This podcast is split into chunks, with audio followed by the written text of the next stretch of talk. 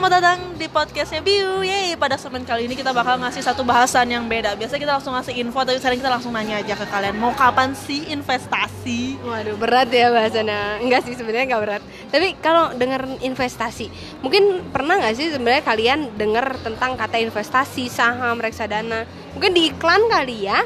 Yang apa sih mungkin kampanyenya Campaign itu kayak ayo dong nabung saham. Nah tapi ngerti nggak sih sebenarnya saham itu apa sih? Terus cara kerjanya gimana? Nah, sebelum kita bahas masuk ke dalam infonya, kita pengen nanya dulu nih sebenarnya. Jadi aku mau ngasih kayak kalian pernah nggak sih pengen liburan, pengen jalan-jalan, tapi kalian nggak punya uangnya gitu. Dan uang jajan kalian itu tidak mencukupi buat liburan kalian Atau tiba-tiba kalian sakit Atau peliharaan kalian sakit Mau bawa ke dokter kalian nggak punya uangnya Oke, atau misalkan kalau yang anak muda sekarang yang mau menikah kali ya. Mau kawin susah. Kenapa? Karena tuntutan iya nggak ada uangnya. Itu biaya pesta mahal kamu udah kebayang. Atau misalkan tuntutan mertua kalau belum punya rumah nggak boleh nikahin anak saya ya. Misalnya kayak gitu. Atau misalkan kamu juga pingin misalkan punya proyeksi uh, saya yang penting kerjanya pingin sampai umur 40-an aja deh udah 40-an saya pengen menikmati hidup saya. Jadi lebih ke arah nabung untuk pensiun nih nantinya. Jadi kamu bisa tetap nikmatin hidup kamu. Tapi ada nggak sih uangnya yang kayak gitu? Terus ada lagi? Kalau misalnya enggak kalian banyak banget cita-cita. Aduh aku pengen bawa orang tua aku liburan. Atau aku pengen bawa orang tua aku umroh. Dan itu tuh kan kalian nggak mungkin lah pakai uang sehari-hari kalian. Berarti kalian harus punya tabungan atau investasi kalian sendiri. Atau kalian yang udah punya anak nih ya tau lah ya orang tua ribetnya punya anak biayanya anak sakit, anak jajan, anak sekolah, anak, anak, anak, anak lah ya, sayang anak, sayang anak. Ya, dan biasanya kalau punya anak pastilah kita sebagai orang tua itu pingin banget kasih sesuatu yang istilahnya bekal buat dia nantinya. Someday kan kita nggak tahu ya warisan lah. Someday kita nggak tahu umur kita sampai berapa. Kita pingin dong ngasih mereka sesuatu. Nah, cuman kan banyaknya pesimis banget ya. Wah susah lah sekarang tanah mahal apa. Nah, sebenarnya Biu sendiri ngasih solusi nih. Solusinya sendiri adalah untuk mengupgrade potensi kamu agar apa ya energi yang kamu keluarkan atau usaha yang kamu keluarkan itu dapat menghasilkan sesuatu yang lebih atau yang tadi worst case-nya bisa ke ketutup kali ya. Hmm. Oke, okay, okay. soalnya Biu sendiri juga kita mengkonsen sama gaya hidup anak milenial sekarang ya nggak sih? Kayak kalau misalnya kalian bisa cek lah tabungan anak-anak milenial sekarang tuh saldonya kecil-kecil lah dijamin. Udah pesimis dulu kan? Karena terlihat karena uang mereka tuh adalah habis untuk hari ini. Karena mereka banyak berpikir hidup untuk hari ini. Karena mungkin gaya hidup terus gengsi mereka terus mungkin kalau sekarang jalan-jalan di kafe nongkrong di kafe seperti itu terus ribu ngabisin dan dulu mungkin kalau diskonan ada di mall kalau sekarang udah pakai gadget internet uh, sale semua ya dan tergiur uh, sekali klik selnya gede jadi. Semakin impulsif anak-anak zaman sekarang. Terus apalagi anak-anak zaman sekarang tuh nggak mau kalah gitu loh. Dia selalu ngikutin tren. Kan trennya lagi apa sih? Dia harus beli. Jadi dia nggak peduli tabungannya kosong yang penting gue gaya. Ya. itu tuh. Itu bahaya banget sebenarnya dan kebanyakan uh, berpikirnya masih yang penting instan. Yang penting cepet deh yang penting dapat deh.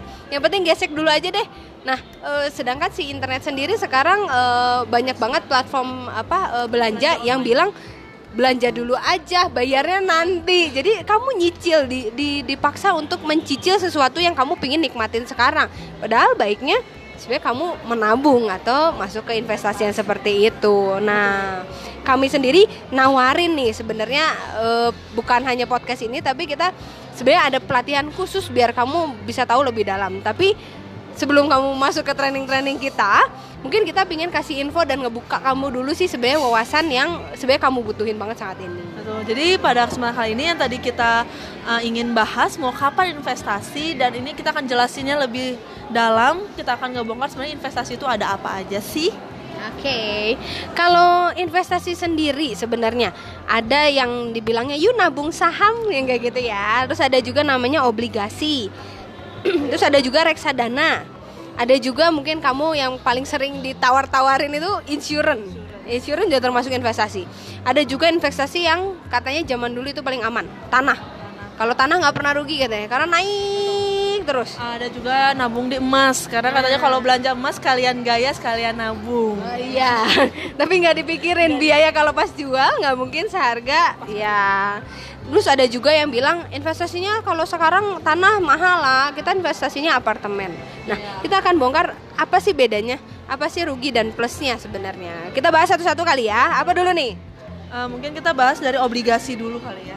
Oke, kalau obligasi sendiri sebenarnya waktu itu pernah dijelasin ya di podcast sebelumnya baru bahwa obligasi itu adalah surat hutang. Utang negara ya. Utang negara, kadang juga ada hutang perusahaan. Jadi mereka istilahnya minjem ke kalian, menjijikan kalian bunga dan dalam jangka waktu berapa bulan, biasanya enam bulan, setahun kayak gitu, mereka akan kembaliin plus bunganya.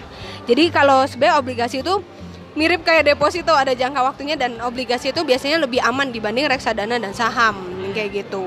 Belinya di mana biasanya? Kalau di bank.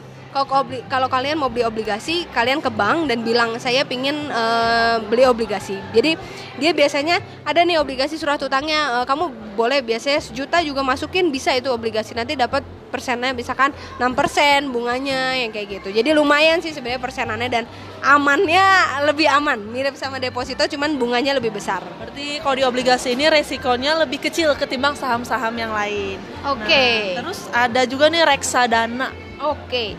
Nah, sebelum kita bahas reksadana sebenarnya ini mepet sama saham sih bahasannya. Mirip-mirip.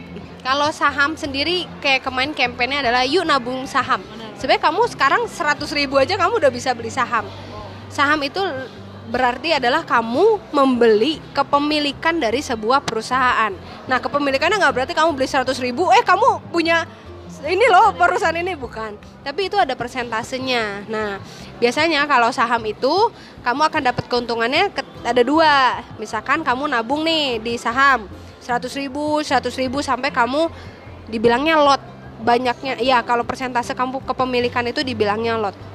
Nah, banyaknya lot ini akan menentukan persentase kamu mendapat keuntungan. Misalkan perusahaannya dalam satu kuartal atau dalam satu tahun dapat keuntungan nih, misalkan eh, satu juta. Nah, kamu punya satu persennya. Nah, kamu akan dapat si dividen. Dividen itu namanya adalah pembagian keuntungan. Ya, jadi nanti ada rapat umum pemegang saham, mereka akan bilang mau bagiin uh, keuntungan perusahaan berapa Nah, itu yang akan dibagi dikali persentase kamu kepemilikannya berapa. Nah, itu yang aman-aman. Saham yang kedua adalah ketika kamu mainnya sahamnya high risk. Jadi, kamu nongkrongin ini HP atau komputer. Jadi, kamu misalkan pasang harga di kamu beli nih. Terus kamu pasang harganya di situ masih uh, lotnya 6000. Eh dia naik sedikit 6500 terus kamu langsung jual. Berarti kamu untung 500 kan per lot. Nah itu tapi harus mantengin banget namanya uh, si laptop sama si HP kamu nih. Jadi ketika turun kamu beli ketika naik dikit kamu jual. Nah itu bisa kalau pas hok, apa ya saya untung banget untungnya bisa besar banget.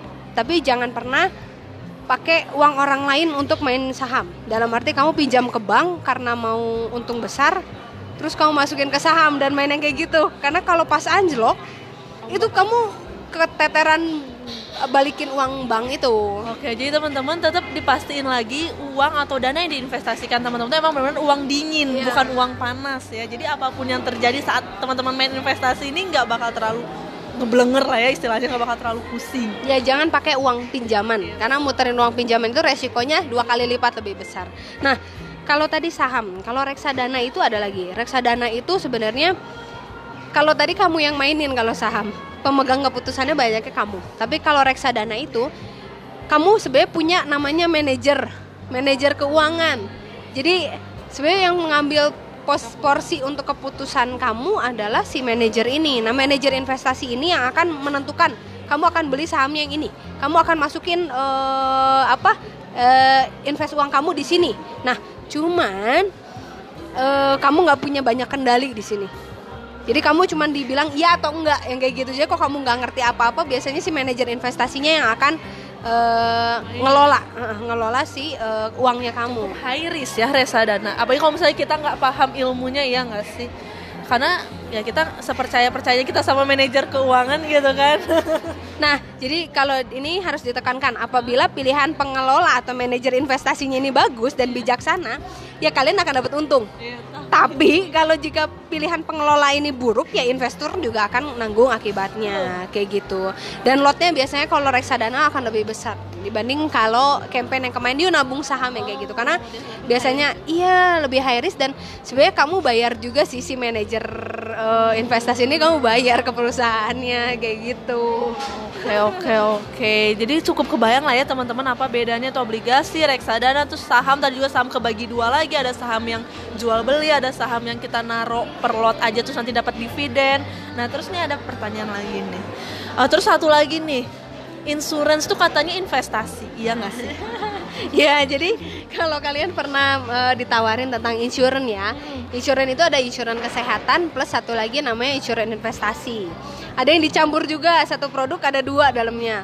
Nah ini perlu ditekankan bahwa kan sering banget yang penting biar sehat nanti kalau ada apa-apa kita cover kamu juga bisa balikin uangnya. Nah cuman perlu diingat kalau investasi di insurance itu nggak bisa setahun dua tahun kalau kamu mau balik sebenarnya uangnya gede yang yang istilahnya dijanjikan sama si insurance ini yeah. kamu butuh sekitar 10 tahun atau tahun ke 11 itu sebenarnya kamu baru manen. Jadi mungkin harus lebih bijak atau lebih nanya lebih dalam ke si agennya. Karena persentasenya mereka ada namanya biaya insurance dulu. Jadi ya itu pilihan juga dan kamu harus nanya lagi lebih dalam ke si agennya. Skemanya gimana sih?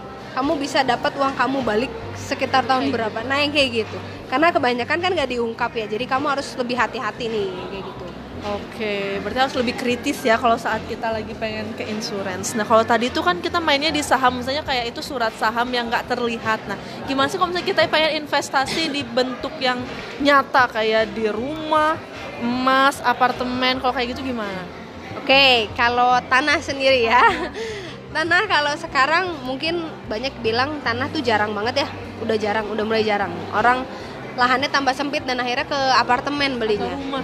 Atau rumah ya rumah. Jadi sebenarnya rumah dan tanah itu apa ya sekarang dibilangnya harganya mahal banget harganya ngelonjak. Sedangkan daya belinya sebenarnya masih nggak sampai segitu ya. Kalau tanah sih enak bener kalau kata orang zaman dulu kalau tanah nggak ada ruginya ya karena dia akan naik terus dan ya memang. Tapi mungkin yang harus kamu pikirin adalah uh, kalau kamu investnya di tanah tanah itu mau kamu kelola jadi apa? Terus kalau mau dijual belikan lagi kamu harus perhitungkan biaya kamu jual belinya. Terus misalkan uh, jual eh apa uh, investasi di apartemen. Apartemen ini yang kamu perlu tahu adalah waktu jangka panjang kamu boleh tinggal di situ atau hak guna kamu berapa tahun dibagi dengan daya kamu beli waktu itu. Mungkin kalau apartemen ini dia bakal serada relate sama kalau kamu beli toko atau beli ruko. Harus dihitung hak guna pakainya berapa lama. Nah, itu karena kalau apartemen kan bukan jadi bukan milik kamu. Someday dia tuh akan dirombak lagi karena bangunannya udah nggak apa istilahnya nggak kompatibel gitu loh. Jadi ya harus diperhitungkan juga nih dan biaya maintenance di apartemen tuh beda sama rumah kalau rumah mungkin kamu uh, punya pembantu atau kamu beberes rumah sendiri. Kalau di sana tuh ada biaya maintenance yang kamu harus uh, bayarin per bulannya. Jadi kayak biaya servis yang mereka kayak gitu. Terus kalau emas? Nah kalau emas, uh, kalau emas itu ada dua. Investasi emas itu ada dua. Satu emas batangan, iya. itu akan lebih aman. Emas batangan, emas graman ya. Jadi bukan emas yang kamu pakai kayak gelang iya apa bentuk perhiasan. iya bukan. Itu kalau bentuk batangan atau geraman itu lebih enak uh, investasinya dibanding kamu udah berbentuk perhiasan. Karena kalau perhiasan itu dia ada daya uh, apa uh, biaya potong. Ya biaya biaya potong untuk dia bikin. Nah biaya potong itu yang nggak akan kembali ke kamu. Yeah kecuali memang kamu bilang ah yang penting biar saya pakai nanti kalau ada apa-apa. Nah itu beda lagi ya. Jadi ini kembali ke kebutuhan kamu dan kira-kira uh, needitnya kamu gimana. Kalau kamu nggak mau dipotong sama sekali ya lu belinya logam mulia yang logam ya. mulia. Jadi um, ya uh, jadi emas batangan yang graman jangan yang udah diolah nih Uh, kalau ini mah informasi aja. Sebenarnya logam batang itu nggak harus yang satu kilo dia ada 25 gram 10 ya. gram juga dia ada bentuk kepingan gitu jadi lebih aman benar. Iya itu lebih aman sebenarnya. Cuman mungkin perlu dipikirin nanti penyimpanan yang kayak gimana kayak gitu aja sih. Cuman takut ke apa? Kemalingan, kemalingan atau kecolongan aja ya kayak gitu. Cuman itu adalah beberapa bentuk yang sebenarnya uh, menjadi pilihan kamu nih selain nabung uh, di bank masukin di bank Nah terus nih aku tertarik banget kan ya mau nabung saham itu biasanya modal pertamanya tuh berapa sih katanya kan nggak besar ya kalau misalnya kita mau nabung saham tuh. Kalau dulu mungkin nabung saham itu besar ya. Kalau sekarang itu bukan dibilang besar ya sebenarnya besar atau enggaknya tergantung tergantung lot yang kamu beli. Nah semakin kecil lotnya ya pasti dia akan semakin uh, murah dan tergantung juga perusahaan karena tiap perusahaan harga satu lotnya beda. satu per lembar sahamnya beda-beda. Yeah. Itu biasanya kalau misalnya kita mau beli, misalnya aku mau punya satu saham di situ, biasanya butuh berapa lot sih per lembar sahamnya? Oke, okay, um, jadi sebenarnya satu lot itu 100 lembar saham. Oh, nah, jadi sebenarnya kamu seratus ribu juga sekarang bisa beli saham sebenarnya jadi nggak ada e, kalau sekarang karena udah digalangin sama pemerintah sebenarnya nggak ada biaya apa pembelian ADM pertama tuh nggak ada sebenarnya dan itu kamu bisa lewat bank. Kalau sekarang udah online banking nah kamu bisa beli reksadana obligasi even itu saham lewat m bankingnya kamu gitu loh. Lebih mudah banget ya karena emang pemerintah sekarang lagi mengkampanyekan banget ayo dong nabung saham buat anak-anak milenial.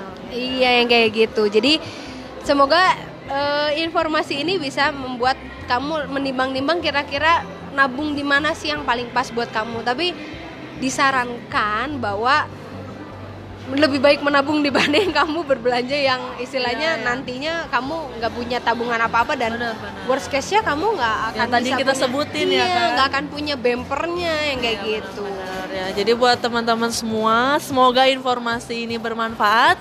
Uh, kalau misalnya teman-teman ngerasa informasinya bagus bisa di share ke teman-teman yang lain juga. Dan kalau misalnya emang uh, apa namanya masih bingung atau pengen konsultasi bisa hubungi kita di bio bisa lewat Instagram kita ketika aja langsung add up build it atau bisa lewat website kita di build it up bc wordpress.com kita di situ langsung ada wa-nya kita atau mau nge-email langsung boleh silahkan. Kita tunggu. Oke okay, bye bye see you. See you